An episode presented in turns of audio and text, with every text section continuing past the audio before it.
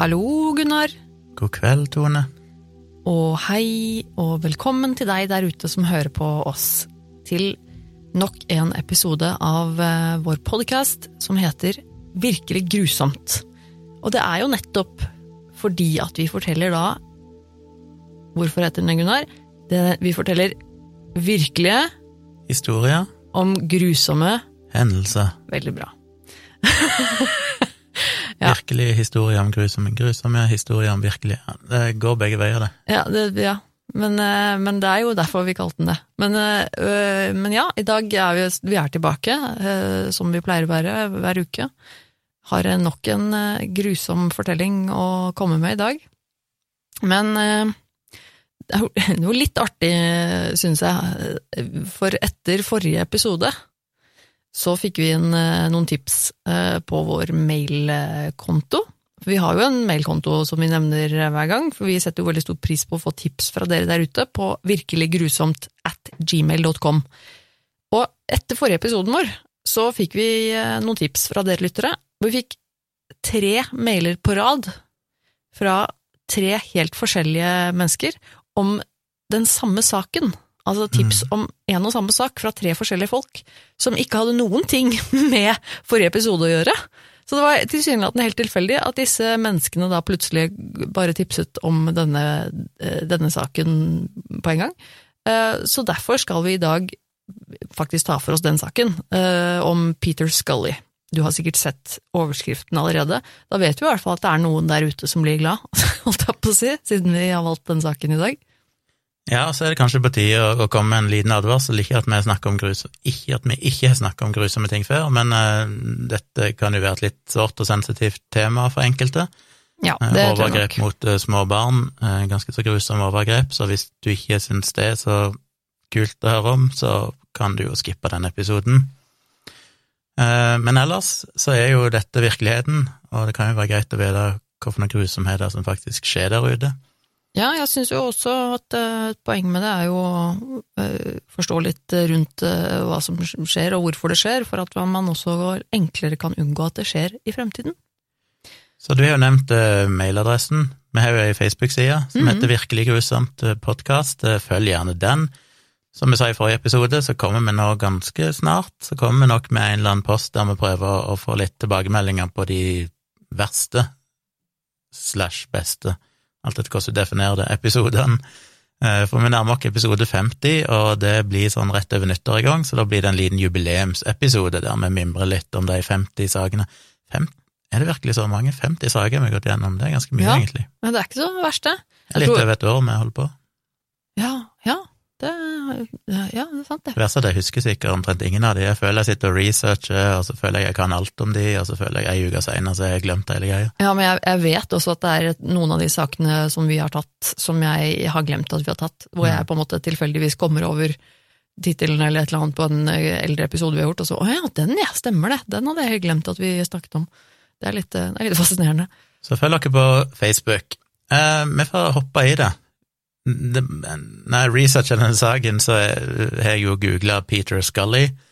Det er jo selvfølgelig litt kjipt da, at det er andre mennesker der ute som også heter Peter Scully. Det må være litt sånn Ja. belastende når, når jeg googler Peter Scully, og så kommer det sånn Peter Scully, MD, et eller annet i USA, eller Ja, en eller annen lege som bor der med samme navn. Det må være litt sånn kjedelig. Men jeg har jo også inntrykk av at den saken her er litt vanskelig å researche. I hvert fall så fant Ja. jeg det også litt eh, Det fins ikke så mye, eh, kanskje, informasjon egentlig om denne mannen og hans bakgrunn og litt sånne ting, og at det, du finner rundt omkring, det er stort sett de samme tingene som står overalt. Det kanskje var litt vanskelig å, å finne. Og på, på YouTube også, eh, veldig lite dokumentarisk. Så det er eh, Nei, jeg fant det at det var vanskelig, og det er mye motstridende informasjon. Det er lite, mye upresis informasjon, artikler som motsier hverandre og har forskjellige narrativ eller forskjellige timelines. Og, Så dette blir jo sånn overblikk som vanlig. Eh, kan ikke garantere for at alle detaljer er korrekte, for det er vanskelig å finne det.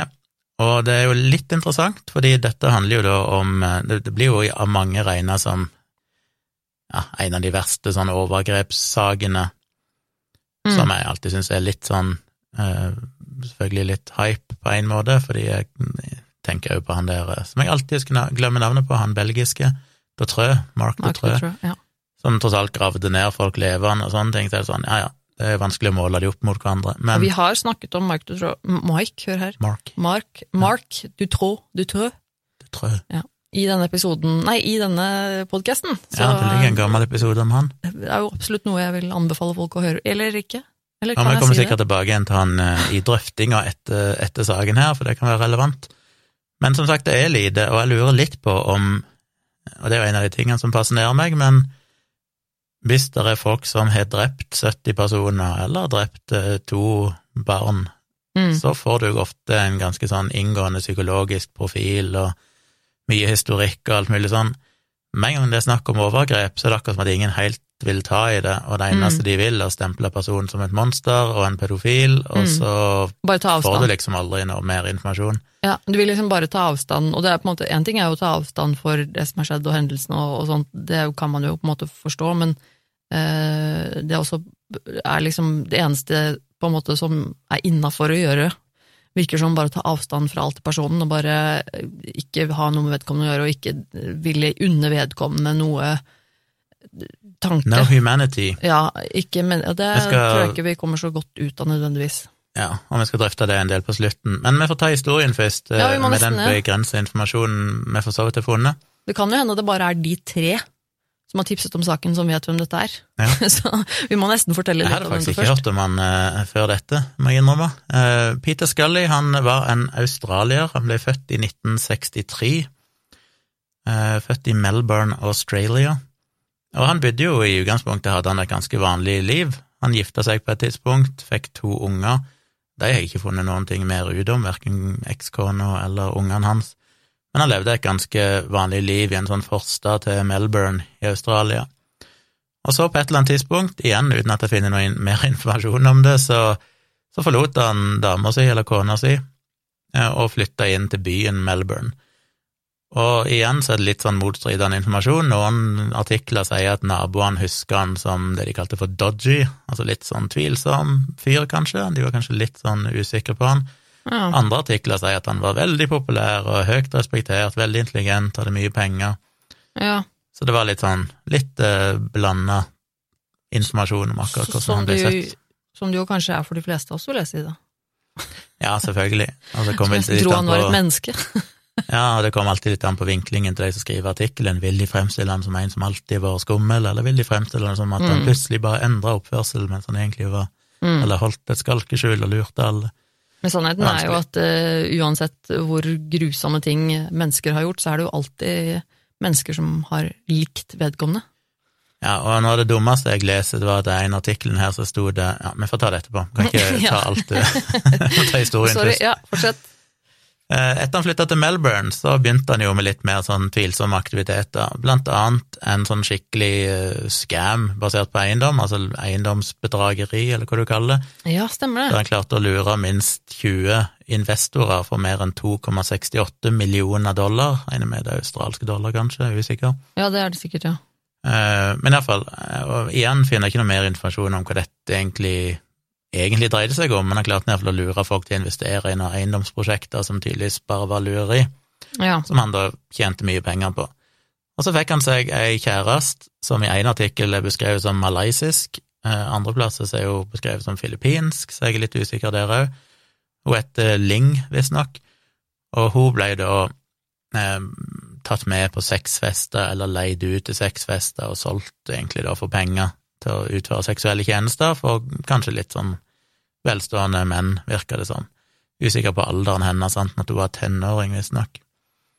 mm. Og da er det jo folk som har sagt at han, sånn som de kjente han, så var han Peter Scully bare drevet av én ting, og det var penger. Det var penger som var viktig for han, Eh, så han, han gjorde jo som dere nå har hørt, mye tvilsomme ting, så lenge han kunne tjene penger på det, så var det liksom det er greit for han. ja, han høres jo ut som en ganske skruppelløs type. Ja. Det er på en måte penger og, og sånn som står høyest, og så driter han egentlig i hva han må gjøre for å få de penga. Virker det som. I 2009 så begynte australske myndigheter å interessere seg for han, Nå noe som heter for Australian Securities and Investment Commission. De begynte å etterforske han, eh, fordi de tydeligvis hadde funnet ut at han hadde drevet med noe bedrageri, økonomisk svindel, og etter hvert så fant han ut at han hadde de eh, drev og snuste litt i virksomheten hans, så han evakuerte, eller flykta fra landet, og flytta da til Filippinene, til en plass som heter Cagayan de Oro, på ei øy som heter Mindanao i Filippinene. Mm. Og der fant han en ny måte å tjene penger på. Ja. I Filippinene så begynte han rett og slett å Igjen så er det så, de er så tendensiøse, de her artiklene, men det, det er liksom beskrevet som at han begynte å Eller han starta en internasjonal pedofil ring. Eh, journalister sånn elsker jo ordet pedofil ring, selv om det er jo veldig diffust. Det handler vel egentlig om at han begynte å produsere tvilsomme, grusomme videoer Ja. der små unger ble seksuelt misbrukt, torturert. Og bilder og sånn. Og de kunne han både selge bilder, selge videoer av òg, men òg tilbudte da livestreaming av de tingene for folk som betalte for det. Ja, Så han hadde oppretta et produksjonsselskap som han kalte for No Limits Fund, som han gjorde dette gjennom, og var veldig flink til å skjule sine digitale spor. Han hadde jo en taktikk, eh, og det er jo det som er så trist i sånne fattige land, der det er mye barn, blant annet, som kanskje ikke har noen familie, eller kanskje bor på gata Mm. i vanskelige forhold, og de er jo veldig lette å utnytte, og det utnytta jo han for alt det var verdt. Han klarte da å lokke med seg unge jenter, primært. Jeg vet ikke om det var gutter involvert, eller, eller var det kun jenter, men Jeg tror det bare var de vi har hørt om, var bare jenter, iallfall. Ja, jeg tror det. Som da var veldig fattige og kanskje bodde på gata, og tilbydte de både mat og utdannelse og sånn, og skulle da komme hjem til han eller andre plasser. Det viser seg vel seinere at de hadde minst, de hadde vel funnet minst 15 forskjellige Mm. hus der disse overgrepene som ble filma. Ja. Eh, Etter hvert så knytta han jo til seg òg da to hva skal jeg kalle de kjærester, eller to medhjelpere, som var to unge jenter. Ei som heter Carme Ann Alvarez, og ei som heter Liesel Margallo. Og det hjalp han da med å gå ut på gatene og sånn, og finne offer som han kunne misbruke. Og de deltok jo òg i disse videoene som eh, ja, de to damene, eller dame og dame, de var ganske unge, de òg, var vel tenåringer, Ja. som òg var med og misbrukte disse ungene. Ja. Og videoene er jo ansett for å være eh, grusomme. Eh, Det er ikke bare snakk om bare i gåsehud seksuelle overgrep, men det er òg ren tortur, det er vold.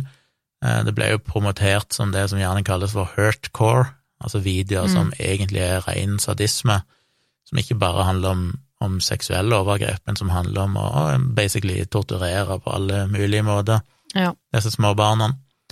Eh, og ofte så var de vel eh, Jeg vet iallfall han, han ba hun ene kjæresten sin om å gå ut og finne noen som skulle være ni og tolv år gamle, Mm. men den yngste som er identifisert her, var jo 18 måneder gammel. Basically en baby, altså. Og det var denne her 18 måneder gamle ungen som egentlig starta det som førte til eh, etterforskninga mot han for dette her, fordi hun 18 måneder gamle jente, hun heter Daisy, og etter hvert, eh, i rundt 2013-2014, så begynte det å sirkulere en video ute på the dark web som heter Daisy's Destruction, og den var visstnok så grusom at den lenge var regna bare som en sånn eh, urban myth, hva heter det på norsk? Ja, sånn vandrelegende. Vandrehistorielegende Mm. fordi det var ingen som egentlig helt visste om han eksisterte. Og det er jo litt av si, problemet med dette, det er jo det at ingen kan egentlig bekrefte det, for hvis du sier du har sett han, så har du jo begått eh, en kriminell handling Ja, og er straffbart. ikke- straffbart. Så ja. det, ingen kan på en måte innrømme å ha sett han. Eh, og han var jo egentlig bare tilgjengelig Ja, han var vanskelig tilgjengelig. Det visstnok en video som er delt i fire deler, der hver del bare fra 10 til 15 minutter, og som visstnok skal eskalere og bli verre og verre, sånn at del nummer fire er den verste av de. Og de er jo selvfølgelig distribuert på en måte som som, som gjør at de er vanskelig å få tak i. Ikke sant? Det er jo med vilje også, Ja. de skal være vanskelig å få tak i. Skal jo ikke være lett å, å finne. Han eh, solgte jo disse videoene da, i starten eh, til folk som ville betale mye, og denne Daisy's Destruction skal visstnok ha blitt solgt for så mye som 10 000 dollar for å få tilgang til den. Mm. Så i utgangspunktet så var det veldig få som hadde sett den. Det er ikke mange mennesker som har eller er villige til å bruke 10 000 dollar Mm. på den type materiale. Men etter hvert var det jo en annen eh, sånn dude som ble kal kalte seg for Lux, Matthew Graham, tror jeg han heter, som òg etter hvert ble arrestert, men ganske ung fyr, 22 år gammel, som visstnok sleit med en del psykiske problemer, schizofreni, depresjon og sånn, som oppdaga internett, eller in, eh, det, det, mørke nettet ganske tidlig, og endte opp med å sitte på rommet sitt og ble til slutt en sånn fyr som dreiv flere nettsteder på det mørke nettet som distribuerte den type overgrepsmateriale. Og han fikk jo på et eller annet tidspunkt tak i denne Daisys Destruction. Jeg er litt usikker på om det var hele, eller om det bare var en slags preview av han, eller noe sånt. Men han endte iallfall opp med å publisere den på en av sine plattformer, som gjorde at den videoen da plutselig ble offentlig tilgjengelig. For tidligere så var han jo ikke offentlig tilgjengelig, så det var egentlig ingen som visste at han eksisterte, bortsett fra mm. de som spesifikt da betalte mye penger for å se han. Ja, for den lå jo bare på dark web, den. Ja, ikke bare på dark web, men den lå jo egentlig ikke offentlig tilgjengelig engang. Altså, det, var, det var ikke en video som sirkulerte, du kunne laste ned. Nei. Det var en du måtte spesifikt bestille og betale for å få. Men etter at han eh, Lux da distribuerte denne plutselig åpent på en av sine plattformer på det mørke nettet, så oppdaga jo politiet denne og fant ut at dette var ganske drøye ting, mm. og begynte da en etterforsking. Når de kikka på den videoen, så var det to tenåringsjenter og en mann, og etter å ha analysert det, det de kunne se på videoen, disse to jentene var jo maskerte, og mannen hadde pikselert ut ansiktet sitt, så du kunne mm. ikke se han, og han var ikke så mye med, du ser han bare visstnok noen ganger. Eh, men de merka at de to jentene hadde en del mørkere hud enn han mannen, som var veldig bleik, og så hørte de han mannen si noen ting underveis som først, ifølge en artikkel, ble tolka som at det kunne være nederlandsk, mm. Så derfor ble nederlandsk politi kobla inn. Og de begynte å etterforske, men oppdaga fort at dette er jo ikke nederlandsk, og de prøvde å finne ut liksom hvorfor en dialekt er dette, de skjønte at det måtte være en som snakka engelsk, fordi han snakka liksom sånn grammatisk perfekt, i motsetning til de to jentene. Mm. Og så etter hvert så kom australsk politi og sa at dette her er australsk aksent. Mm. Og da ble de kobla inn og fant ut at dette måtte være en australier, da. Eh, så de sleit jo med å finne ut hvem dette var i lang tid, og det er her jeg sliter litt med å finne historien, for det er mye det er vanskelig å finne ut hva som er Alle historiene glatter litt over det, det er liksom bare sånn at denne filmen eksisterte, og så ble han på et eller annet tidspunkt arrestert. Ja. Uten at det er helt godt å finne ut, men så kommer jeg litt tilbake til det. Um, det verste her ser jo ut til å være at uh, i denne Daisy's Destruction så var det jo da tre jenter som egentlig figurerte, og uh, skal vi se Hva var det den uh, Jo, det var ei som het Lisa, som var tolv år gammel, ei som het Cindy, som var elleve, og da Daisy, som var 18 måneder. Og hun Liesel Margallo, hun ene av kjæresten hans, som da var 19 år, hun var jo en av de som var hovedpådriveren, eller hovedaktiv, i den, i den og flere andre filmer, på å mm, drive og torturere disse ungene og forgripe seg seksuelt. Så hadde jo hun sjøl ei fortid som at hun hadde blitt trafficka da hun sjøl var barn og utsatt for mm, ja, sexsalg som ja. et lite barn, så det er sånn Ingen av disse er jo folk som har hatt det særlig bra i utgangspunktet, det er jo vært veldig fattige folk, og han Peter Scully har jo også sagt seinere at han som barn ble misbrukt av en katolsk prest. Ja. Jeg vet mye om det er bare en slags Han hevder det, i hvert fall. Men det kan jo tyde på at uh, disse folkene har vært utsatt for ting sjøl. Etter Ja, så er det jo ja, så er det vanskelig å finne ut helt hva som skjedde. På et eller annet tidspunkt så ba jo han Peter Scully disse to uh, jentene sine, eller kjærestene sine, om å finne disse spesielt to jenter. Og det her jeg òg blir forvirra, fordi han er jo anklaga for å ha misbrukt mange, mange titalls jenter, men av en eller annen grunn så snakker de om det som om det bare er to jenter han liksom fikk. Mm. Alle de andre hører du ikke noe om, men det er iallfall en spesiell historie om at han ba hun finne eh, noen jenter som han ville adoptere på en måte, og få til å flytte inn hos seg. Mm. Og da hadde hun først sagt at ja, men kan du ikke ha, få søstera mi? Men han hadde jo en plan om å alvorlig seksuelt misbruke de og, og kanskje verre ting. Så han ønska jo egentlig ikke det, han ville ha noen som ikke noen familie kom til å savne. Så etter hvert så gikk hun med på det og gikk ut på gata og fant da to jenter som var kusiner, og som var da spesifikt ni og tolv, som var akkurat det han hadde ønska seg. Mm.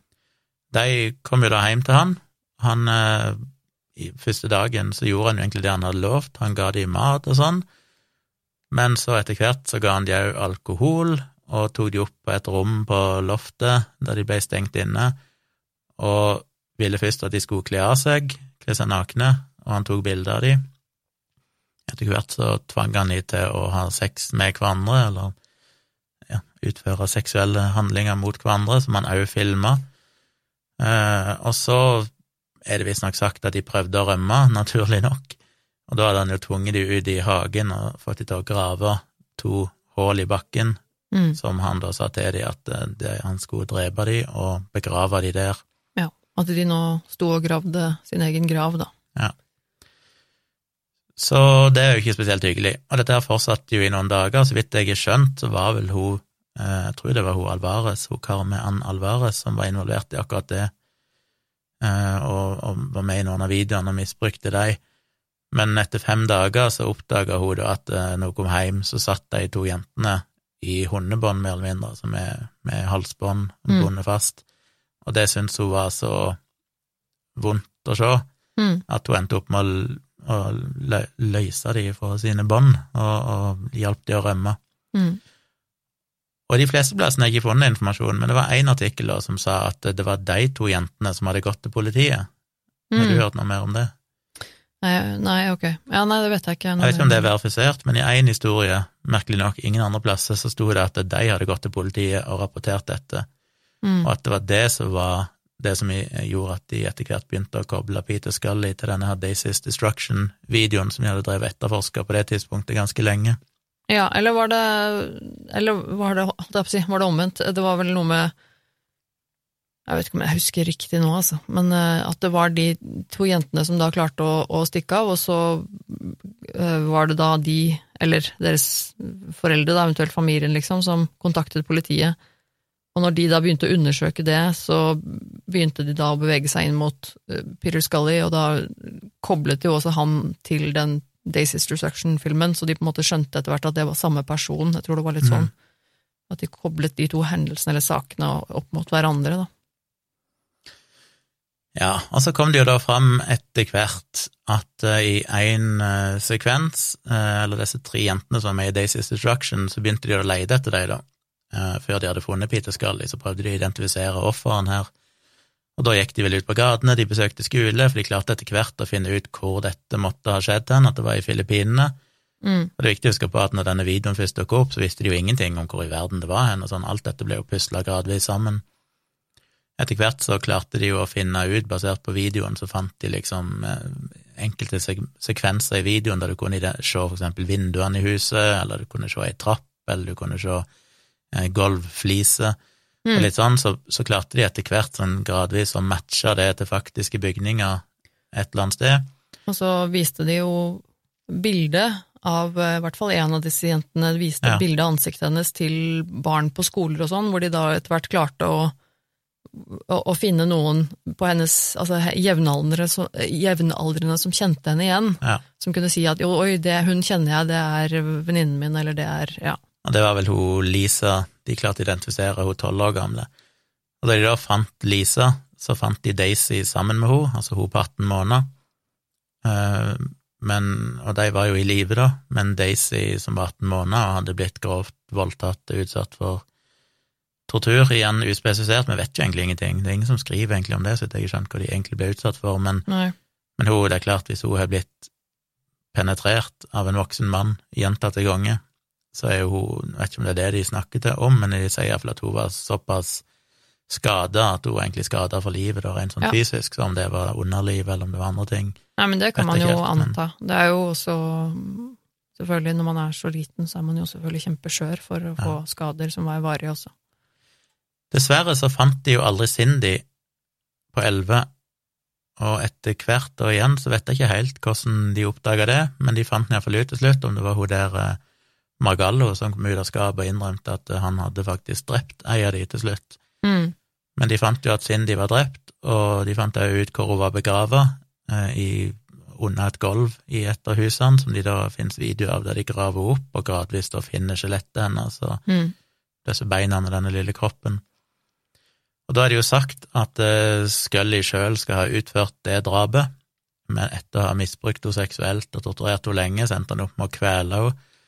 I en av disse dokumentarvideoene på YouTube så blir det sagt at han gjorde det med hendene. I en annen artikkel jeg leste, så var det visstnok med tau, men det vet vi ikke. Uh, hun Margallo, hun 19 år gamle kjæresten hans, hun sier jo òg at uh, dette skal ha blitt filma, men så vidt jeg vet, så er jo aldri denne filmen dukka opp noe sted. Nei, det, det, vet vi jo ingenting om. Uh, og så er det jo de, disse to, eller hun ene, da, kjæresten i Gåsøen, er liksom kjærester, um, som, som, hevder det at, uh, at det er han som har drept henne, mm. og at han kvelte henne til døde, men, men dette finnes det jo ikke noe bevis på. Nei. Så han har jo aldri blitt dømt for mord, fordi Nei. at de har riktignok funnet levningene etter denne jenta. De fant jo, som du sa, skjelettet hennes, men de har jo faktisk ikke noe bevis for hva som har skjedd med henne.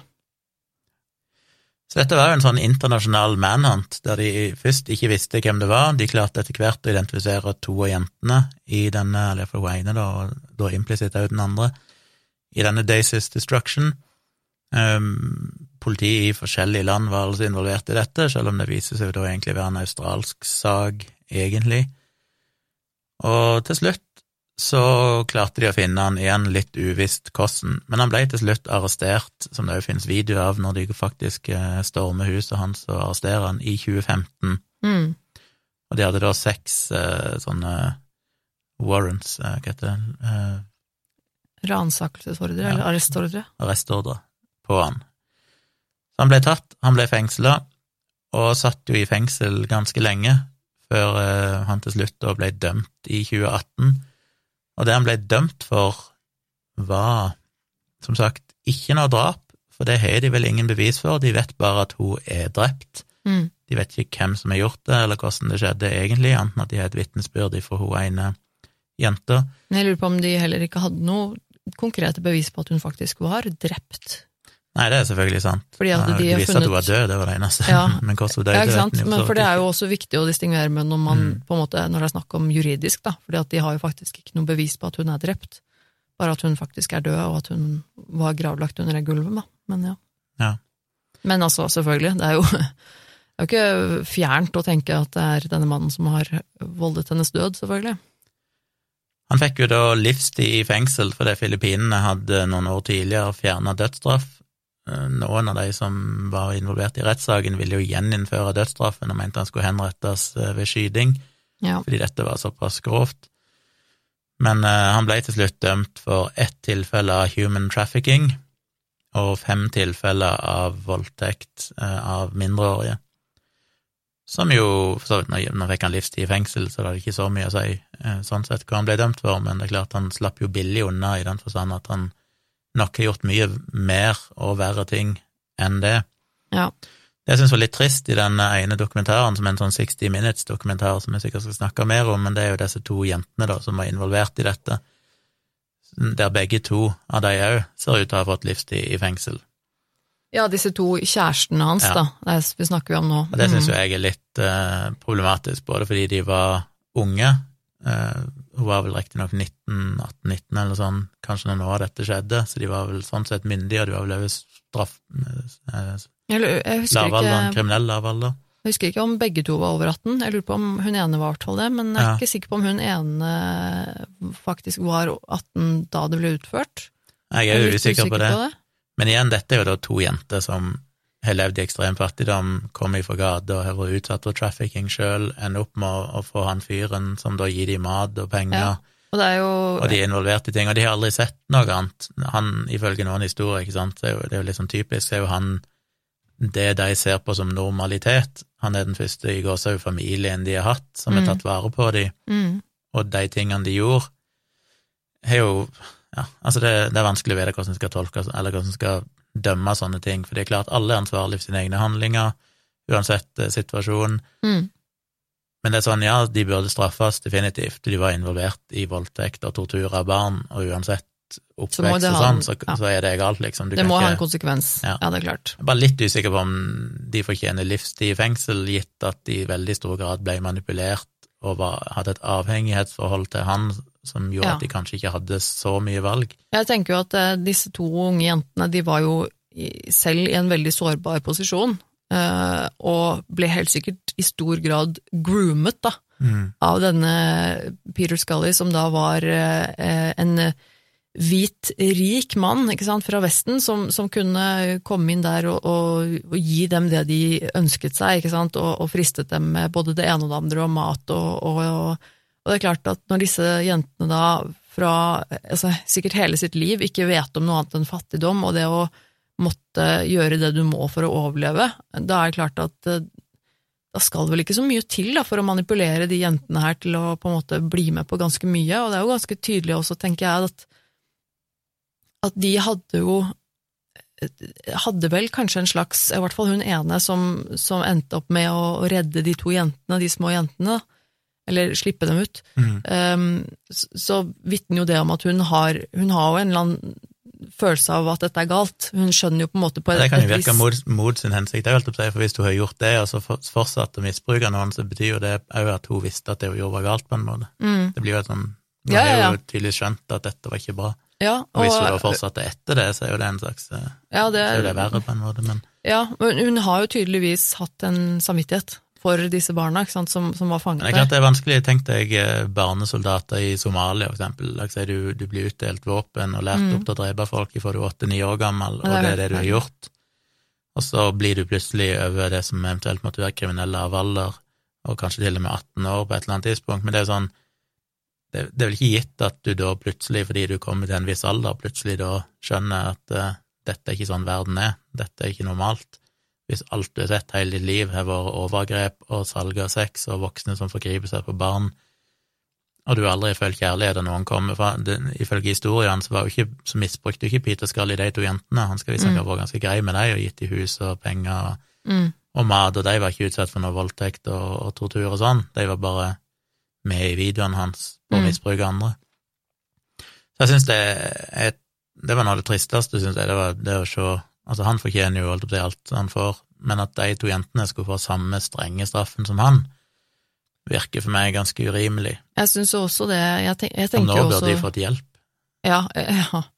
Jeg tenker også umiddelbart det at det er livsvarig fengsel for to så unge jenter. Altså Mm. 18 år gammel, på en måte. Da er du jo fortsatt veldig ung.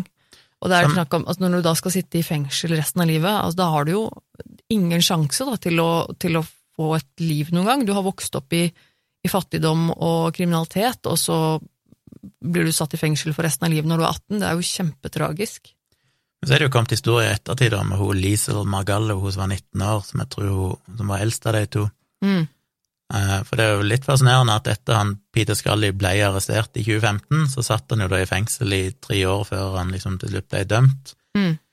Og de klagde jo mye, han hadde vel ei søster, og han sjøl klagde jo mye på forholdene. Han var jo en drittsekk i fengsel òg. Han drev jo og krevde han skulle ha Syntes det var for varmt der, så han måtte få ei vifte, skulle ha de ansatte der til å servere han all slags god mat og sånn, Mm. som de stort sett nekta, da. Men eh, han var en person som ikke har uttrykt noe anger i ettertid. Nei. Han ser ikke ut til å ha skjønt egentlig, eller skjønt konsekvensene av det han gjorde, og mener at han er urettferdig behandla. Han har vel ikke innrømt noen ting. Han pleader jo not guilty, som òg medførte at disse jentene Det sto i en artikkel at fordi han hadde pleada not guilty, altså ikke skyldig, så måtte flere av disse ofrene komme og vitne.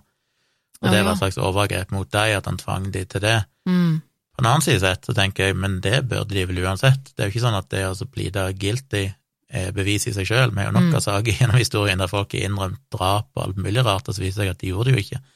Nei. Så det ville jo være litt enkelt hvis de bare sa at ja, fordi du har innrømt det, så er du skyldig. Men det er nok er sånn dessverre fortsatt i veldig mange land rundt i Ja, verden. det kan jo være det. Håper ikke det hadde skjedd i Norge, iallfall. Det at du innrømmer noe, betyr jo på ingen slags måte at du nødvendigvis har gjort det. Nei, nå hadde det nok ikke skjedd i Norge, men det Nei, er det er klart vi har jo mange bevis på at det også har Ja. skjedd i Norge. At det er noen som har lenge innrømmet uh, drap, men som viser seg å ikke ha gjort det. Og Og ja, det finnes mange eksempler på det. Eh, Men det er jo kommet historie i ettertid at han satt jo i fengsel i noen år, men til og med ifra fengselet så drev jo han fortsatt og administrerte denne, dette salget og distribusjonen av overgrepsmateriale. Mm. Eh, Og hadde kommunikasjon med hun Magallo via WhatsApp og Messenger på Facebook og alt mulig, og sendte penger til henne, og hun levde jo da et eh, luksusliv på utsida, før hun til Mhm. slutt ble tatt sjøl. Hun evakuerte jo til, hvor det var, men der levde hun jo og fikk masse venninner og la ut bilder på Facebook og Instagram og sånn, der hun liksom var kledd i fancy klær og lå på stranda og var visst kjent for å drive og spandere masse drikke og alkohol på vennene sine, og var veldig populær. Ja. Fram til de etter hvert begynte å skjønne, eller jeg hadde iallfall skjønte, at det faktisk var hun som var etterlyst. Eh, det kom vel ut noen bilder fra disse personene, disse to jentene, screenshots fra Daisy's Destruction. Mm. Og hun da begynte å poste på Facebook òg sånn advarsel om at hei, hun her jenta her heter egen, som dere trodde var venninna deres, for hun gikk jo under et dekknavn, Ja. heter egentlig Liesel Margallo og er da var involvert med Peter Scully og bla, bla, bla. Så det er klart hun Så kan en jo, ja, det, det, det gjør jo henne til å fremstå som litt mer kynisk, eh, og kanskje ikke fullt så mye offer Mm. eh, i ettertid, for sjøl etter at han ble arrestert for dette, så fortsatte hun da bare å ta imot penger ifra han og leve et luksusliv og, og bidra til liksom driften av dette her eh, nettverket, så Det er klart, det virker jo ikke som at disse to kjærestene hans, da, de unge jentene, at de har vært noe offer i samme grad i det hele tatt som disse som er på videoene. nei, det er de absolutt ikke. Eh, Så det er klart at det, det, det må vi jo understreke, at eh, selv om de kanskje nok er blitt manipulert og, og groomet på mange måter, så har de nok eh, tatt goder fra dette på en måte som eh, ikke er helt innafor. Ja, så det er jo egentlig det vi har funnet ut om selve historien. Eh, Det er sånn den informasjonen som ligger der ute, som jeg har funnet. Jeg skal jo selvfølgelig lenke til artikler og videoer og sånn, som dere kan kikke på sjøl hvis dere vil se mer om dette. Ja, for det vil jeg jo absolutt eh, gjøre. Jeg tror eneste på en måte eh, dokumentar eh, som jeg har funnet på nettet, er eh, 60 Minutes Australia, som har Ja. laget eh, en, en, eh, et segment om Peter Scully, eh, som jeg syns var veldig interessant. Og hvis, hvis det er noen der ute som er interessert i denne saken, og syns dette er interessant, så er det, er det verdt å se den dokumentaren.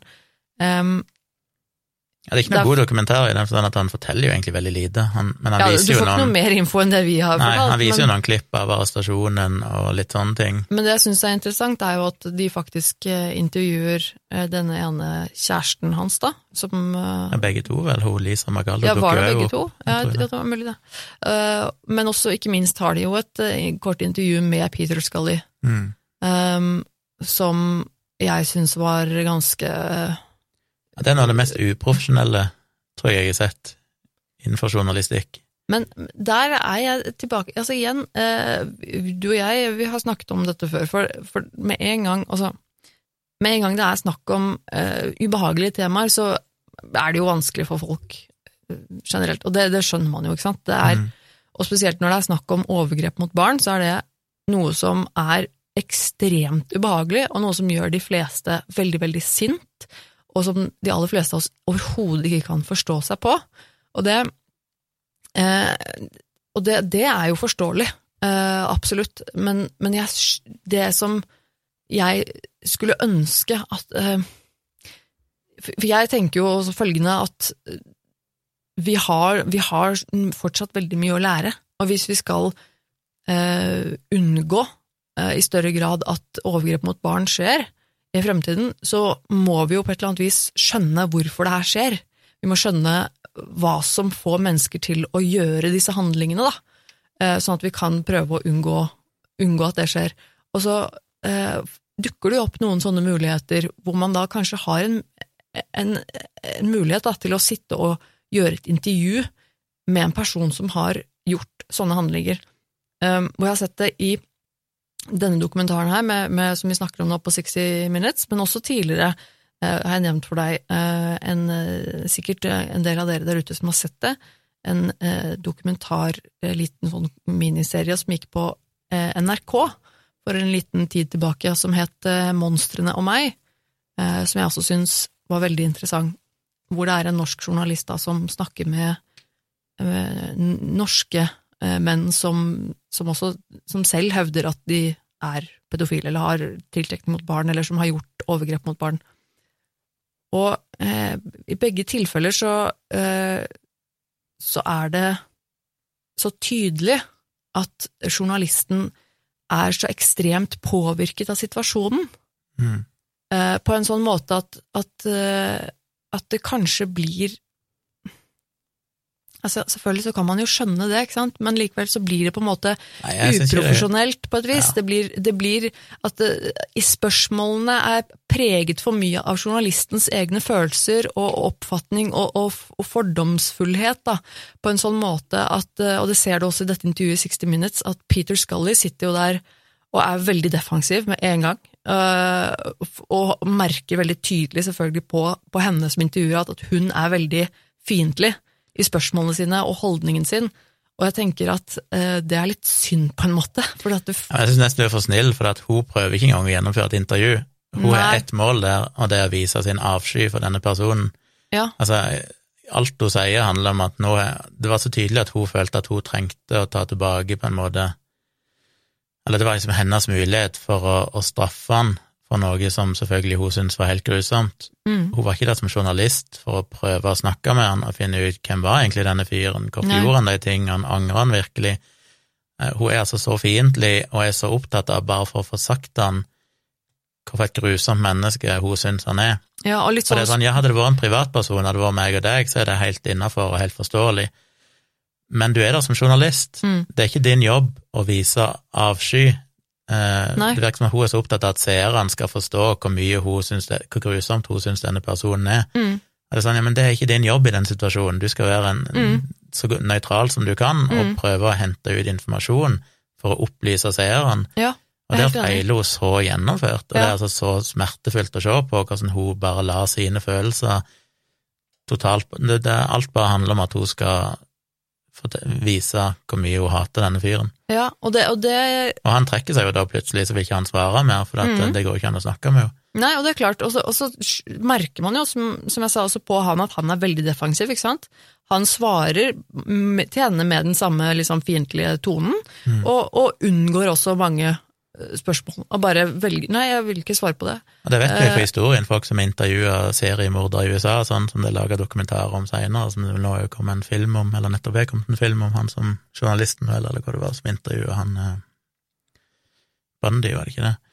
Men i fall, det som går igjen, er jo at det er folk som ikke nødvendigvis er full av fordommer, men som er genuint nysgjerrige Ja. og ønsker å forstå disse folkene, og i gåsehud bli venner med dem, da, til en Ja. grad, og se på de som faktiske mennesker Ja, og ikke totalt dehumanisere de. Ja. Eh, Men da kan du faktisk få nyttig informasjon ut av de tingene der, som jo har vært vist blant annet i den der serien, hva den heter, Manhunt, nei, eh, ja Manhunt. er det den heter? Ja. Ja, iallfall der de eh, Som har gjort at vi har lært veldig mye om seriemordere i USA Mm. ut på 80- og 90-tallet, og sånn, fordi det Ja. var noen som var villige til å ta den praten og se på de som mennesker og virkelig prøve å forstå mentaliteten. Mm. Og det savner jeg jo fullstendig i sånne situasjoner med overgrepspersoner. Og så er det jo viktig, da, den andre ting som du jo nevnte tidligere, eller ikke offline, off record, dette med at innledningsvis i den dokumentaren til 60 Minutes så blir det selvfølgelig omtalt som pedophiles. Mm. Og der er jo litt som da vi nevnte med Mark Dutroux, Mm. som òg ble omtalt som liksom den verste pedofile som hadde drept unger og sånn. Mm. Mye tyder jo på at han var ikke pedofil. Han hadde jo egentlig ikke noe interesse av å ha sex med små barn, men han fant ut at det var en måte å tjene penger på. Ja, og det er Dette er jo en sånn ting som er veldig vanskelig for veldig mange å forstå, og som de fleste sikkert ikke har lyst til å på en måte tenke gjennom eller tenke på overhodet, men det er faktisk litt viktig det der, også å forstå at, det, at de fleste, altså de fleste som er pedofile, eller som har en, en seksuell tiltrekning mot barn, de begår ikke overgrep mot barn, og også de fleste som faktisk begår overgrep mot barn, er ikke nødvendigvis pedofile. Det er ikke nødvendigvis mennesker som har en seksuell tiltrekning mot barn, og det høres jo kjemperart ut. Og jeg skjønner at folk på en måte kan bli litt sånn hæ, hva i all verdens rike? Og det er, eh, og som du har snakket om dette tidligere også, det er jo ikke noe kontroversielt egentlig med dette, dette har man jo studert, dette vet man jo mye om nå.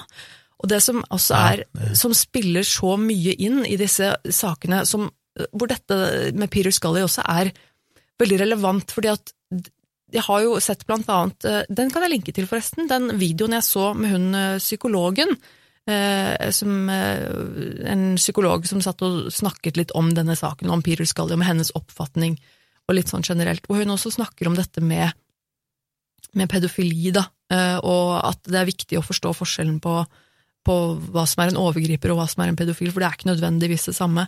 Men også det med at fordi at det handler mye om opportunisme, og det Mhm. handler veldig mye om eh, makt og kontroll.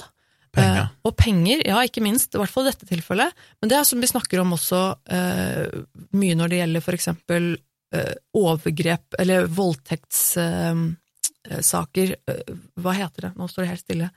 Overfallsvoldtekter, for eksempel, som er ofte veldig brutale. Det, er ikke som regel noe som har med sex å gjøre. Det har som regel med eh, med makt og kontroll og en slags eh, Ja, ikke sant, det, det, er, det er komplekst. Og det er I dette tilfellet også med Peter Scully, så kommer det ganske tydelig fram ganske tidlig, da, virker det som at han er veldig opptatt av penger og makt. Det er jo det som Altså, går gjennom bare- han. Når han begynte med dette, så var han jo 50 år gammel, Ja. og det finnes ingen historikk som tilsier at han noensinne har hatt noe interesse for barn. Nei, og eh, han eh, sier jo det selv sitt. også. Han sier det selv, og det er jo litt interessant også, for hun, iblant så kommer hun inn på noen sånne ting eh, i Piruskalli som jeg gjerne skulle hatt svar på, og jeg merker at jeg blir veldig nysgjerrig, for hun spør jo på en måte om, om han hadde gjort, jeg husker ikke akkurat hvordan hun ordlegger seg, eller hva hun spør om, men de kommer i hvert Er fall inn på dette. Minutes? Ja, hun i 60, ja, ja. I 60 Minutes, da. eh, Om han har gjort dette før, på en måte. For han, som du sa også, han har jo vært gift og hatt et holdt opp på å si, vanlig liv, da. eh, hvor, han hadde en jobb og, en kone og barn og sånn. eh, hvor han da selv hevder at nei, han, har aldri hatt gjort noe sånt som dette her før. Han har aldri gjort noe overgrep mot barn tidligere, og heller aldri vært interessert i det, sier han jo heller. At det har ikke vært en sånn en greie som han har vært interessert i. Og hun spør jo også om denne eh, Den urgen snakker hun om. Eh, hun eh, Intervjueren i 60 Minutes snakker om Ja. ja, hvor lang tid tok det da før, du, før, du, før urgen ble for stor, sånn at du måtte finne deg en liten jente. Og så blir han litt sånn um, urge? Nei, jeg vet ikke, det har vel egentlig aldri vært noe urge til å gjøre det, på en måte. Nei, men hvorfor gjør du det da? Ikke sant? Nei, og nei det har han jo ikke helt svar på. Og jeg tenker at at det her ligger det noe litt interessant baki, for at eh, jeg tror nok kanskje det stemmer, kanskje ikke han har spesielt hatt en sånn veldig tiltrekning mot å ha noe med barn å gjøre på den måten, men at det ble en måte for han å tjene masse penger. Det er han fikk at han er Et utløp for den eh, maktfølelsen som han trengte, og den kontrollfølelsen han måtte ha, da. Det trenger ikke være det engang. For meg virker det som han bare er ute etter å tjene penger. Han Ja. svindla folk i Australia, for det Ja. var en måte å tjene penger på. Han kommer til Filippinene og oppdager at det finnes en mulighet til å tjene penger på Mm. misbruk av barn.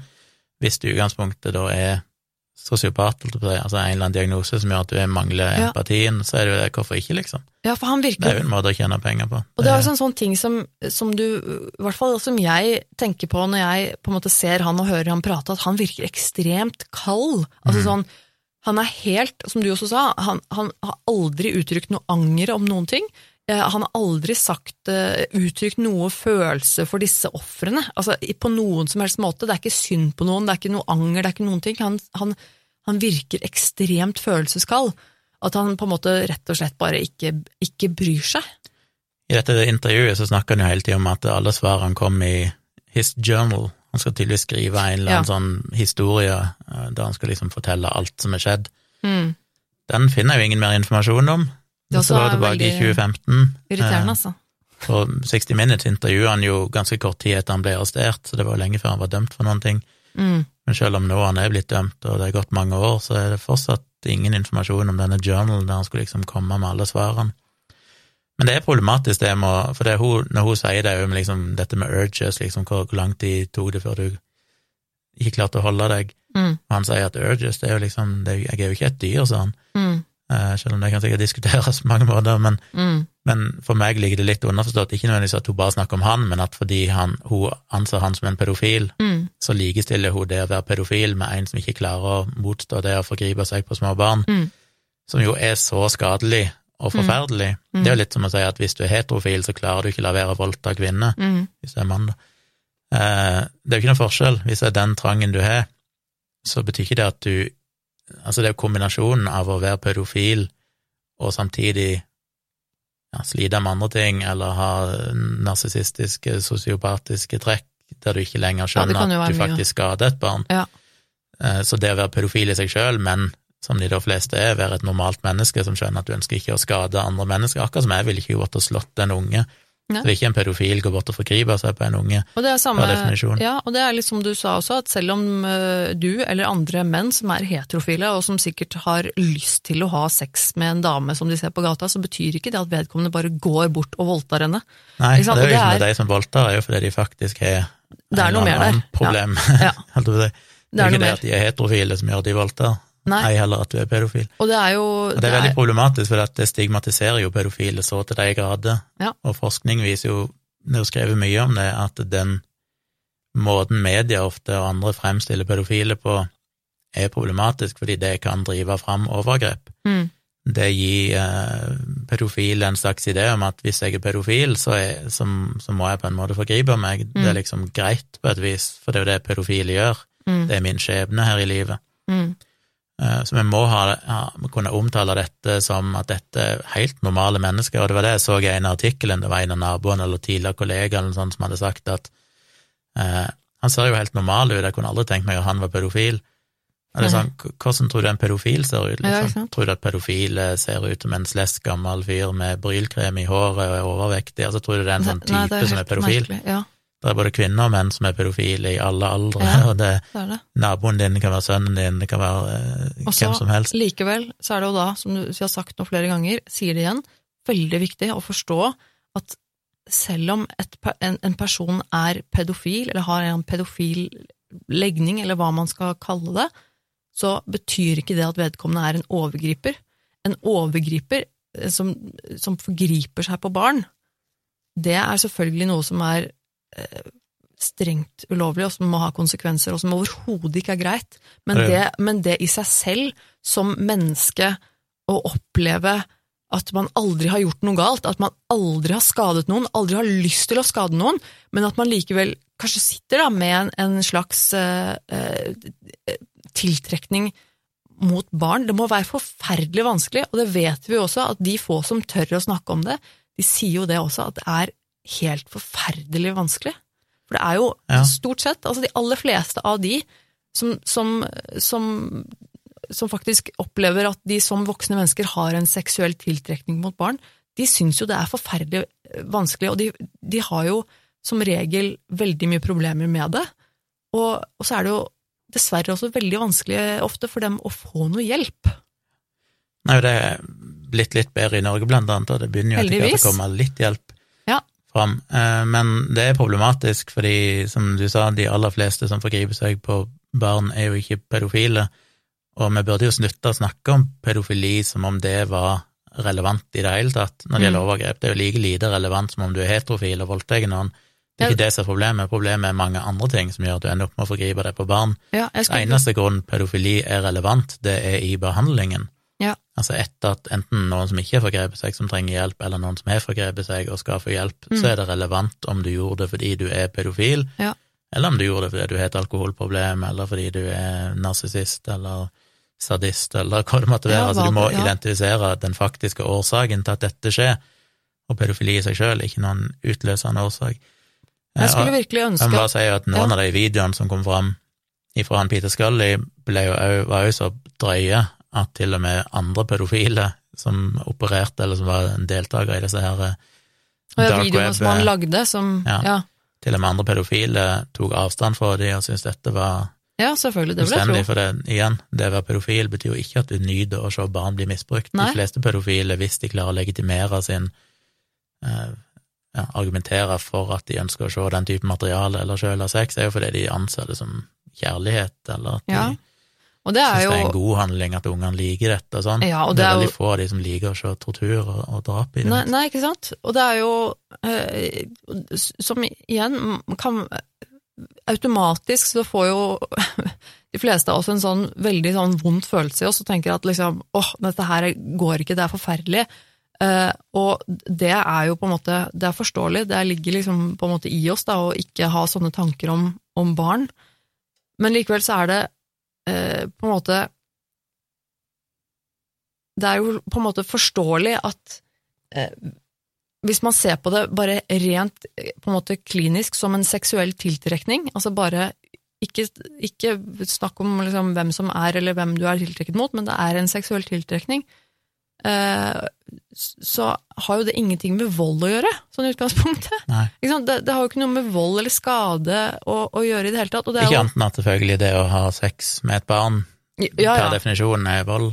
Ja, jo, jo. Nei, men, nå- ja, men du, du skjønner hva jeg mener, håper jeg. Uh, og det er liksom som mange av disse menneskene som faktisk er dømt uh, for overgrep mot barn, uh, som har innrømmet at de har gjort overgrep mot barn.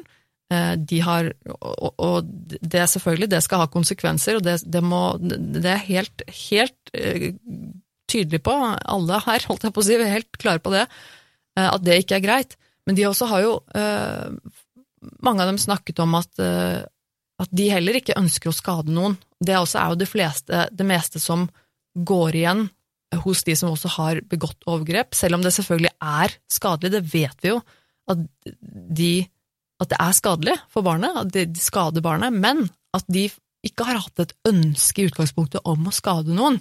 Og det er litt sånn, det er ganske komplekst, og jeg tenker at det er eh, det er så mye fortsatt som, eh, som Alt kan av dette er jo komplekst, men det ligger jo sånn voldtekt, ikke sant. Voldtekt er jo, vil jeg jo anta, de fleste tilfeller ikke folk som ønsker å skade noen. Det handler jo om at det er folk som ikke skjønner grensene, og ikke De var fulle de, Altså, de fleste voldtektssaker er vel gjerne idiotiske handlinger gjennomført av folk som ikke helt skjønner Mm. greia. Altså, det er vel et subsett av voldtekter som er folk som faktisk ønsker å skade og dominere, og de som, som vet at det de gjør, er galt. mm. Eh, Fryktelig mange voldtektssaker er jo bare folk som tydeligvis ikke helt skjønner hvor grensene virkelig, går hen. Ja, jeg skulle virkelig er en, det er en stor at forskjell på det å ville skade noen, og det å faktisk begå ja, det, det, er som er en altså. kriminell handling. det, det er nyanser her som på en måte er viktig og, og det er litt viktig å holde tunga rett i munnen, på en måte. Og det betyr jo ikke at noen av de er At det er greit? Nei, nei det betyr overhodet bare at det er viktig å forstå ikke. motivasjonene Ja. bak det som skjer. For det er nettopp det, det at eh, En ting er jo at det ikke er greit, og ja, hvis det skjer, når det skjer, så skal det ha konsekvenser, helt åpenbart. Men hvis vi skal hindre at dette her skjer, eh, så er vi nødt til å gå dypere enn det. Det hjelper ikke å bare straffe folk. Da er du nødt til å liksom tenke litt om ok, hva er det som faktisk utløser sånne handlinger. Og det er jo da selvfølgelig viktig å, å prøve å faktisk, selv om det er vondt og ekkelt og vanskelig, så er det jo da viktig å prøve å eh, sette seg litt inn i hodet til disse menneskene, altså skjønne på en måte litt om hva som foregår. Men jeg skulle virkelig ønske at eh, mediene, som du var inne på, bare må si det, jeg skulle virkelig ønske at, at, de, eh, at de kunne sluttet å, å bruke sånne begreper som pedofile når det gjelder overgripere, altså. At det er, Ja. det er liksom, for det går igjen alltid, at hvis det er snakk om om en person som har gjort et overgrep, så er det alltid en pedofil. Det, er- det er på en måte et begrep som blir brukt om hverandre bestandig, og det syns jeg er en veldig uting. Ja, det er litt som omtrent å si at fordi noen eh, bildrap skjer fordi noen kjørte i fylla, så betyr ikke det at alle bildrap skyldes fyllekjøring. Nei, det gjør ikke Det liksom, hvis vi konsekvent omtalte alle bilulykker som fyllekjøring, så Mm. ville det jo være forferdelig misvisende i hva som faktisk var årsaken til det som skjedde. Ja. Men det gjør vi merkelig nok når det gjelder overgrep mot barn, så er det liksom legitimt å si at alt er pedofile, Mm. selv om vi vet gjennom forskning at det utgjør bare en liten andel av de. Og det er jo skrevet norske hun, eh, Kirsten Holtmoen Reserland, som er psykolog, norsk psykolog, som har skrevet hovedoppgave om dette, som nettopp handler om det at vi må slutte å kalle pedofile for overgripere, liksom, eller Mm. trekke Kategorisk. Ja. likhetstegn mellom de to tingene, fordi det kan da gjøre at de føler seg plassert i en rolle de kanskje må oppfølge. Og for å da sirkle tilbake igjen til starten med Peter Scully, som vi jo faktisk snakker om her, Mm. så fremstår det for meg som ganske åpenbart at dette er en uh, kynisk opportunist Veldig. som sikkert ville ha gjort hva som helst, men tilfeldigvis fordi han havna i Filippinene, der nettopp dette er ganske vanlig, dessverre, Mm. Så Og var lette- det det, det som gjorde at han Så var det det han, han tydde til, da. Ja, og der er det jo også dette med, med at det er mye eh, altså, tilgjengelige, lette ofre. Det, Ja. det er mye fattigdom, det er veldig mange som dessverre da, som, som lever i fattigdom, altså hele familier hvor da til og med barna blir eh, forventet at de skal jobbe. Ikke? De, Mm. de har ikke noe valg, altså Enten om, eh, om de er på en måte alene, eh, eller om de har en familie, så er det jo rett og slett sånn at hvis man vokser opp i en sånn fattigdom, så er det forventet at barna også skal ut og jobbe, for at du har Det er ikke noe av det verste jeg kan tenke meg, det er jo den der eh, som er realiteten, at det er mødre, sikkert fedre òg, men det er ofte mødrene som er involvert, virker det som, som ender opp med å delta i at ungen deres blir livestreama Mm. eh, mens de blir misbrukt. Ja. Og så tenker en at for et horribelt vesen, hvordan kan ei mor tillate det? Ja. Men så er jo realiteten at eh, Men alternativet er kanskje at barnet sulter i hjel. Ja. Og det er sånn, du står i en helt desperat situasjon der du velger mellom Helvete eller helvete. Ja. og så velger de at ok, det er kanskje overkommelig at barnet mitt må ha sex foran kamera, hvis Det- det, er det som gjør at barnet mitt overlever. Og- Det det er så lett å dømme folk for å være involvert i sånt, men fytti grisen, det er jo bare de mest grusomme, tragiske dilemmaene og skjebnene. Jeg tror det er rett og slett en sånn uh, situasjon som vi, i hvert fall sånn her i Norge og i Vesten, vi har på en måte ikke et begrep om hvordan vi setter Nei. oss inn i en sånn situasjon. Det er jo samme som, samme som vi så her nå for ikke så lenge siden, hvor denne saken dukket opp i nyhetene med den afghanske familien, uh, hvor da den, eh, en, en afghansk baby som bare var eh, et år gammel eller et eller annet, også hadde blitt solgt Mm. eh, hvor det stod at moren da på en måte hadde solgt ungen for så og så mye penger, som gjorde at da, når ungen var seks år gammel eller et eller annet, så skulle den ungen da giftes bort til den personen som hadde kjøpt henne. Og vi vet jo, eh, kan jo bare tenke oss på en måte hva det betyr. Eh, Det er ikke noe Mm. man heller har lyst til å tenke på hva som kommer til å være skjebnen til den lille ungen da, på seks år, som blir giftet bort til en fremmed mann. Men så kan man jo også tenke, ja, men hva slags horribel mor er dette, som selger ungen sin på den sånn måte? Men det er jo samme situasjon, ikke sant? Det er Mm. ekstremt desperate tilstander. Du har kanskje flere unger, du har ikke mat, du har ikke penger, det er ingen måte du kan fø barna dine på. Og det er sånn, ok, kan jeg selge én av mine unger da, for å få penger så jeg kan gi resten av barna mine mat? Altså, det er jo en helt umulig situasjon. Og så er det jo Nei, du kan på en måte ikke sette deg inn i det. Nei, så blir jo det utnytta av eh, si, rike, forholdsvis eh, rike mennesker i den vestlige verden, som da utnytter det. Det må jo sies, òg, som jeg ikke nevnte tidligere, som er litt sånn interessant greie her, at mens han eh, satt i fengsel, han Peter Scully, så hadde jo politiet samla inn masse teknisk bevis. De hadde datautstyr, og de hadde en, kje, en eh, kjetting eller sånn som en og disse ungene var bundet fast med, og alt mulig sånn som var oppbevart. Men alt det gikk tapt i en brann. Dette lageret med alt bevismateriale endte opp med å brenne opp. Ja vel, Så da det var det jo, hørt om. Jo, i oktober 2015, eh, så da mista de alt av loggene på datamaskinen, alt av videoer som dokumenterte overgrepene. Um, Mm. og da var det jo lenge mange som tenkte at shit, det er godt mulig han kommer til å gå fri, Ja. fordi de hadde ingen teknisk bevis lenger. Nei. Og så er det jo spørsmålet hvorfor skjedde dette, var det et uhell? Noen har jo spekulert i at han er klart å bestikke en eller annen politibetjent til å sette fyr på bevisrommet, for det var jo ekstreme korrupsjon i politiet i Ja. Filippinene. Mm. Så, men han endte nå heldigvis opp med å faktisk bli dømt allikevel, eh, sannsynligvis basert på vitneuttalelser og sånne ting, at de hadde nok bevis da allikevel. Mm. Men det er jo litt fascinerende at de mista alt av det materialet. Eh, ja. Så han eh, sitter i fengsel for livet, men jeg skulle som sagt ønske de kunne omtalt han som en overgriper og morder, Mm.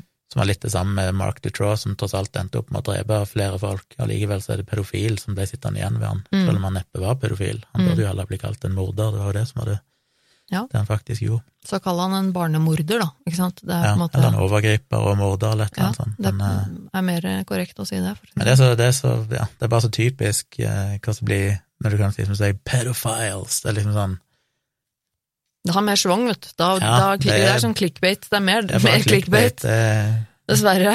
Det er jo helt dust, men det er jo mye av det som ligger bak òg. At det, det, det skaper en, en mer eh, lokkende overskrift. Men jeg føler det er verre i utlandet. I Norge har de faktisk ikke vært så ille på det, iallfall ikke de siste årene. I Norge har det jo vært en mye mer nyansert debatt rundt de tingene og prøver å fremme òg.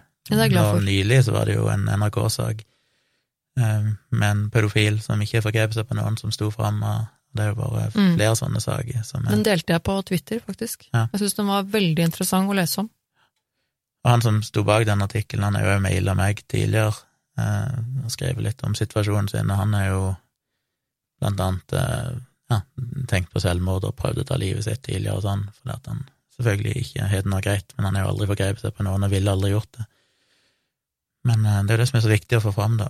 Mm, det det. At dette vanlige mennesker er en forferdelig skjebne å bli Ja. fanga i, i det. Uh, nå er det ikke eh, Ullevål universitetssykehus også her i Oslo som har uh, et tilbud nå for eh, mennesker som selv mener de har en pedofil legning, hvor de kan eh, søke om hjelp. Nå er jeg faktisk eh, veldig dumt av meg, men nå husker jeg ikke hva den heter, eh, det tilbudet. Men de har en sånn en, opprettet en egen eh, gruppe der som eh, tilbyr hjelp mot, eh, til sånne mennesker som trenger det. Og det syns jeg er veldig bra. Det er veldig bra, men det er det som er så kjipt med den Peter Scully-saken, det er jo det at eh, all kunnskap om pedofili og dette her vil jo ikke hatt noen relevans, for det, han er sannsynligvis ikke pedofil. Nei. Det vil ikke ha stoppa han for å gjøre det han gjør, for han gjorde det av helt andre grunner enn at han var da pedofil, som han neppe var. Men derimot, med måten det blir dekka i alle medier, så ender det opp med å gjøre ting verre for de som faktisk er pedofile, Ja. Eh, og gjøre det vanskeligere for dem å få hjelp og forståelse og alt mulig sånn, så Ja, og derfor syns jeg at det er viktig å snakke om. At det er viktig at vi også snakker om det her, og at kanskje da, eh, fremover, muligens, noen som hører på dette, som da kanskje ikke ville finne på å kalle for eksempel Pirus Galli en pedofil i fremtiden. Lett fordi man vet bedre. Um, jeg syns det er eh, Det er fortsatt et område eh, som vi vet altfor lite om. Eh, Så det var nå iallfall historien om Peter Scully. Ja, Um, jeg kan jo nevne da at eh, han ble jo opprinnelig sikta for voldtekt, eller iallfall overgrep mot 75 barn, eller noe sånt. Ble jo bare dømt for overgrep mot KD5. Eh, det går jo rykter om, eh, i noen artikler så, så hevdes jo at han har drept flere, at det har skjedd mye. Jeg fant òg en Mm. artikkel som snakka om en film som visstnok skal ha eksistert på The Dark Web, som ble kalt for Dafu Love mm, som skal være en film som eh, Peter Scully står bak. Altså, det er ikke Daisy's Destruction, men Da Dafu Love. Og i den så er det jo snakk om de mest ekstreme, groteske handlinger. Eh, igjen, det er aldri dokumentert at denne filmen fins, en vet ikke om det er bare en sånn urban legend, mm. men der skal det være snakk om at de har hatt babyer som de på film da dasker imot hverandre som om de hadde pudekrig, bare at de brukte babyer helt til babyene da døy. At de Ja. har tatt isak og hammer og hakka inn i skallen på små babyer. Altså, at de har jo- eh, skåret de opp og dratt ut innvollene på de på video. ja, det er jo Og jeg skjønner ikke helt hvorfor det er knytta til Peter Scully, for jeg finner ikke noen ting om det i andre artikler. Nei, at ok, det er ja. vår mistanke knytta til han at han har gjort sånne ting. mm. Men igjen så kan det bare være at disse sakene krysser hverandre, at noen har hørt noe her og der, og så blir sakene blanda og sånn. Men Men ja, så det er jo uansett ikke Det det er jo uansett ikke noe bevis for at han har gjort det. nei, og vi vet jo ikke hvorfor det er så lite bevis. Kanskje grunnen er at eh, de mista alle bevisene i den brannen. Kanskje han ville ha blitt sikta for mer hvis de ikke hadde endt opp med å miste videomaterialet, Mm. som er litt rart, kanskje, for jeg skulle vel tro at det videomaterialet eksisterer ute på The Dark Web, selv om det brant opp eh, på bevislager, så skulle jeg tro at jeg ikke kan finne det igjen. Ja. De må vel ha funnet det en eller annen plass opprinnelig, det eksisterte vel ikke kun på hans sin Ja, de gjorde kanskje det, da, siden han drev og solgte det stort sett, så var det kanskje mer ting han bare solgte rett ifra sin egen datamaskin, og at det derfor ikke egentlig er så mye av det som Mm. eksisterer der ute. Men det ligger nok uansett eh, mye av det i så fall kanskje på altså, det, det mørke nettet. Ja. Og det er vanskelig å etterforske ting som eh, ligger eh, så Så gudene vet hva han kunne ha blitt sikta for hvis de ikke hadde mista alt av bevis, da. Men eh, Men han sitter nå i hvert fall i fengsel, og der kommer han jo til å sitte resten av livet sitt. det gjør han, og det er ikke spesielt trivelige vilkår heller, eh, Nei. i det filippinske fengselet. Sånn sett kan vi jo være glad for at han sitter i filippinsk fengsel og ikke et australsk. Ja. I hvert fall kjipere å sitte i Filippinene, tror jeg. Og så må man jo bare minne på at dette foregår i ja, gudene vet hvor stor skala det er, men tydeligvis i for stor skala. Mm. Dessverre knytta til de fattige landene, ofte Filippinene og tilsvarende land, der det er lett å finne offer. Mm. Um, så selv om en har tatt Peter Scully og et par andre, så er det jo åpenbart en økonomi i dette, da, Ja, vi som har gjør jo at folk blir rike på å distribuere den type materiale. Det er jo avdekket sånne miljøer i Norge også. Flere Ja, det er mange som er villige til å er, betale for å se dette eh, live. Utrolig så. trist. Så ja, det var historien. Vi må ranke det på en grusomhetsskala. Ja, det var denne grusomhetsskalaen. Um, altså Da må jeg jo på en måte bare basere meg på det, det vi Det er jo ikke så mye vi vet. Uh, og eh, jeg vil um, Jeg kanskje åtte. Jeg syns det er eh, det som vi vet, i hvert fall rimelig sikkert, da, Mm. at har skjedd, det er ganske jævlig. Så, Ja. eh, også, men det er så veldig vanskelig å vite også hvor mange det er snakk om. Altså hvor mange mennesker, hvor mange barn, liksom. Eh, Det vet jo egentlig ingenting om, da. Må nok anta at han eh, var involvert i ganske mange Ja, eh, overgrep, og det er ikke bare overgrep, det er tortur, og Ja. muligens Jo, det er nok sikkert er minst, en del, ja. Mest sannsynlig, vi vet ikke sikkert at han drepte hun der eh, Nei, ikke sant, vi vet jo ikke det. men med stor sannsynlighet, ifølge vitner, Ja. så skal han ha drept henne, og Ja. muligens ikke den eneste han har drept. Men iallfall, det var vært omfattende tortur av Ja. mange barn, så det er vanskelig å ikke gi det iallfall en åtte. Ja, men det er litt på grunn av at det er så mye spekulasjon, så, så Mm. blir det på en måte åtte for meg. Og en vet veldig lite hva som skjedde med de ungene. Jeg mener det var mange, ja. mulig de var involvert i en video, og så Lever de videre i ja, frihet, holdt Ikke jeg på at det er uproblematisk, men, Nei, nei, men allikevel, det er ikke, det er ikke massivt med drap, liksom. Nei, det kan i hvert fall virke som om at de, de fleste ikke ble drept, da. Mm. eh, i, I det minste, om det gjør saken noe bedre. Men, eh, men ja, men det blir så mye spekulasjon, og vi vet så Ja. lite eh, sånn sett, så jeg tenker Jeg havner jo på en åtte, men det er klart det Ja, det er, eh, det er høyt på, på skalaen, dette. Og vi er jo alltid nysgjerrige på hva dere tenker, hvis dere orker å høre episoden. Jeg håper jo det. Jeg håper jo dere, våre kjære lyttere, har hørt helt til nå. Mm. At Hvis de kanskje dette, så har de selvfølgelig det. Ja, og at det kanskje til og med er blitt eh, litt klokere eh, og litt mer åpensinnet. Det kan man jo håpe på. Eh, Og vi, som alltid, er kjempeinteressert i å høre fra dere, og gå gjerne inn på Facebook-siden vår. Der pleier vi å poste en post eh, med litt lenker for dere som har lyst til å se intervjuvideoer og så videre, og litt bilder og sånn. Eh, Og der er det veldig kult om du har lyst til å droppe en liten kommentar om hva du syns om episoden, og kanskje hvor du hadde rangert den på grusomhetsskalaen.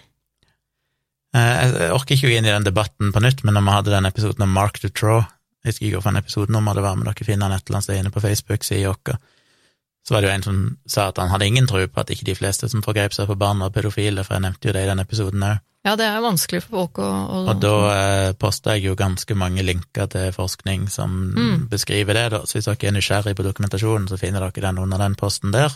Ja. Interessant nok så konkluderte vel han til slutt med at han allikevel ikke vil tro det, for det ble for vanskelig for han å akseptere at ikke du måtte være pedofil for Ja. å forgripe deg på et barn. Og det er jo det som jeg tror er mye av problemet ofte, det er jo rett og slett at folk ikke vil forstå, at det blir for, for vanskelig og for tøft og for ekkelt for folk. Og, Det er så vanskelig å akseptere at noen kan gjøre det, at du trenger å plassere det i en eller annen bås Ja. som er annerledes enn alle andre.